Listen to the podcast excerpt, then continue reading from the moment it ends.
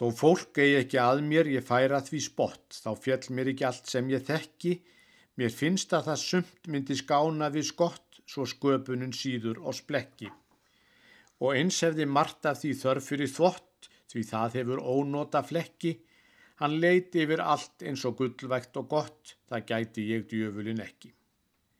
Því svo fór í etten það urð ekki nót að ymsu sem þar var á meiðum, Því mörgum var ósárt um olbogaskot og urð eins og vargar á leiðum. Svo var sem þeir ærðust við orkunar þrótt og yrðu þá grimmir á veiðum, þeir skröldu þá hjárnað um bóðorða brot og byluðu seinast á reyðum. En nóttin kom yfir svo illt var að sjá að eiga við gæðin á trjánum, en hetjurnar segustu hömuðust þá og hoppuð og seildust á tánum en fjöldin sem skreið og á leiðunum lá var lúin af nautnum og ránum og fjörgamlir heiðusmenn flugust þar á um forbóðnu eplin á njánum. Svo störðum en hljóðir í halvrökkrið grátt og horði yfir uppskeru sína. Af eplunum mínum var of mikið smátt en aðsætin var ég að týna.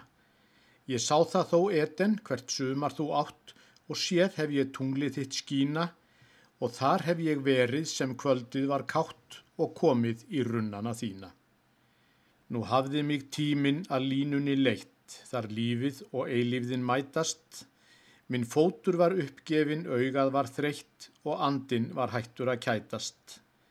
Ég þakkað öll eplin um æfina veitt, nú átt ekki við þau að bætast, að forbóna trénu mér auðnaðist eitt, það eplið var fegurst og sætast.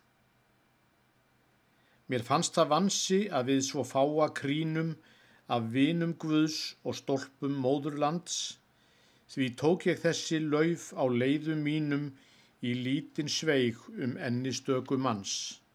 Svo ættu þeir að eiga von á sínum sem innu síðar fyrir litlum krans.